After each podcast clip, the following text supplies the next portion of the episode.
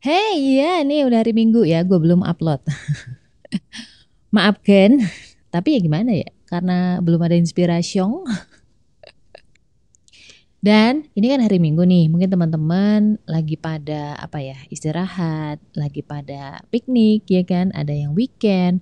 Cuman nih, cuman ada beberapa temen gue yang dia tuh merasa bersalah kalau weekend.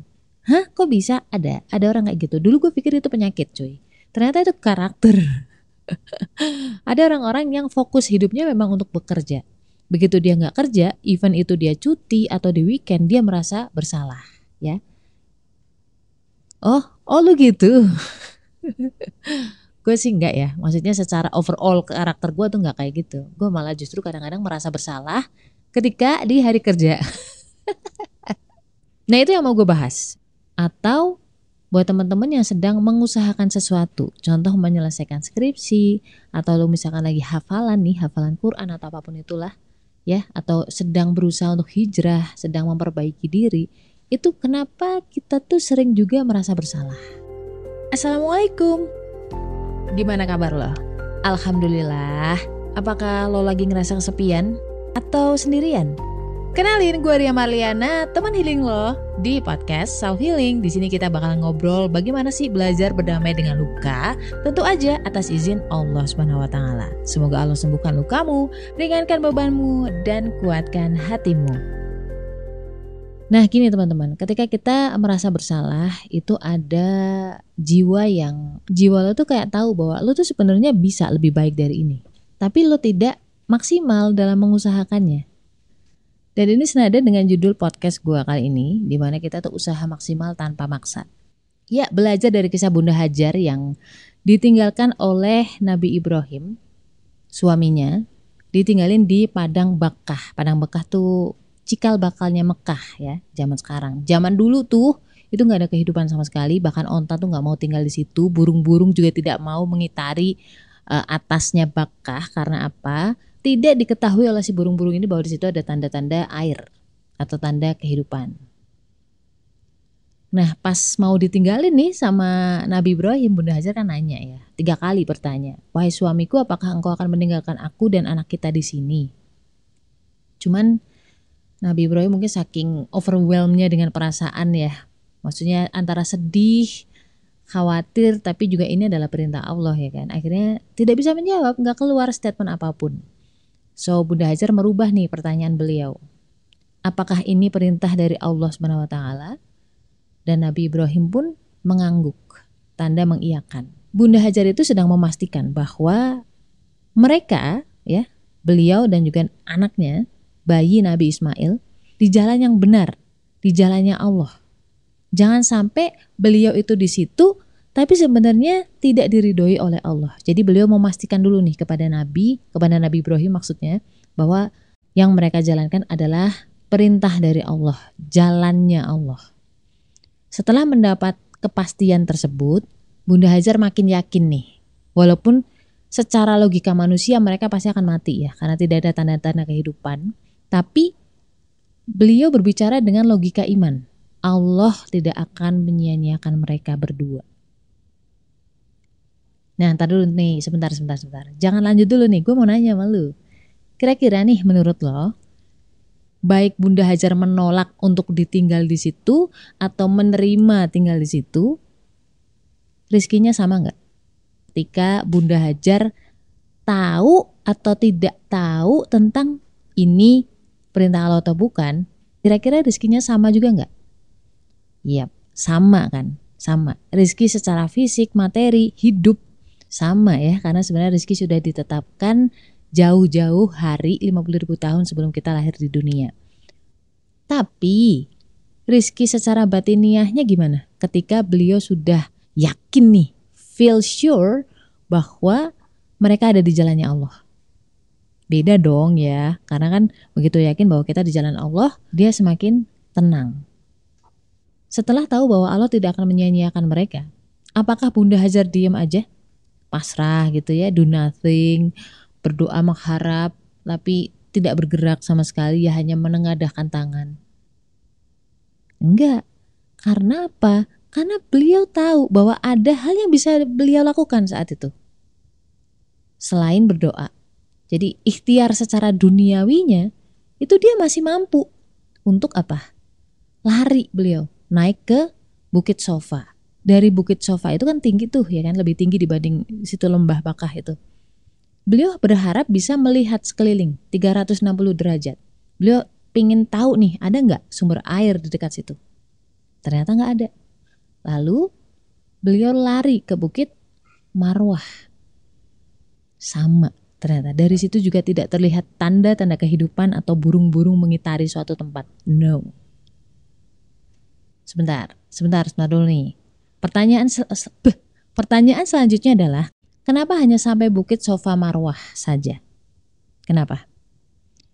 Karena di sana adalah titik paling maksimal, termaksimal yang bisa Bunda Hajar tempuh. Kalau lebih jauh lagi nih, beliau tidak bisa mengawasi bayi Nabi Ismail. Walaupun gak ada apa-apa nih di Bukit Sofa dan Marwah, tapi Bunda Hajar masih bolak-balik, bolak-balik, bolak-balik.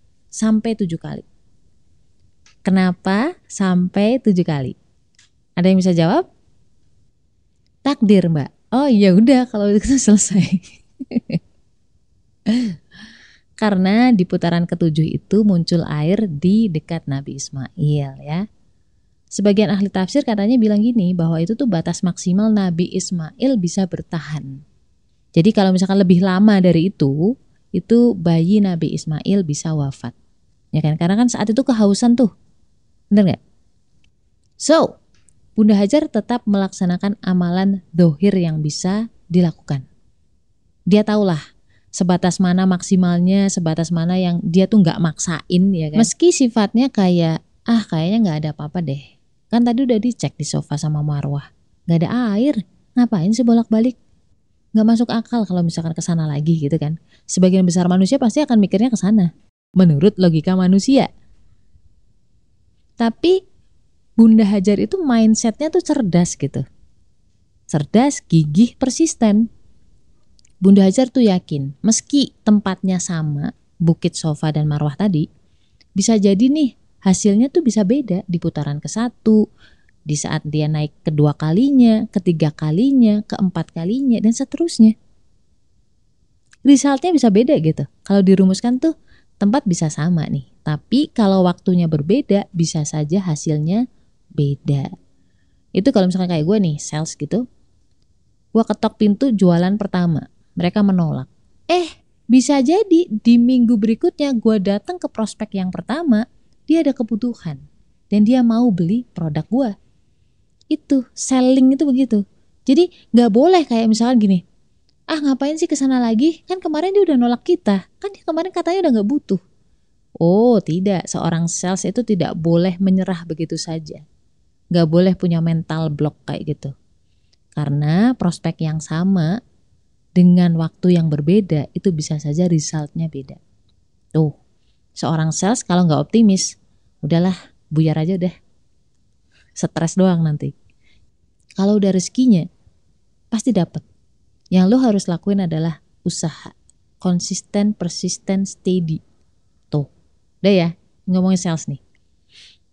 Karena biasanya nih gini, pertolongan Allah itu ada di persimpangan yang paling ujung. Nah jangan sampai di usaha kesekian nih, ada simpangan eh ada tawaran riba, ada tawaran nyolong, korupsi dan kawan-kawan. Lu dengan segala dalihnya, udah udah gue udah kepepet nih gitu kan. Lu tabraklah tuh larangan dari Allah. Jadi judul dari usaha termaksimal tanpa jadi usaha termaksimal tanpa maksa itu maksudnya usaha sesabar mungkin seteguh mungkin di jalan Allah. Jangan maksain nabrak larangannya Allah sampai maksa ngutang-ngutang riba. Karena kata sebagian besar ulama adalah kemenangan itu selalu bersama dengan kesabaran. Kesabaran itu itu pasti ada jeda waktu atau rentang waktunya. Ya kan? Putaran pertama belum ada, putaran kedua belum ada, sampai putaran ketujuh baru ditemukanlah solusi. Di saat apa? Di saat sudah paling ujung, usaha paling maksimal dari kita, dari Bunda Hajar maksudnya. dari Bunda Hajar.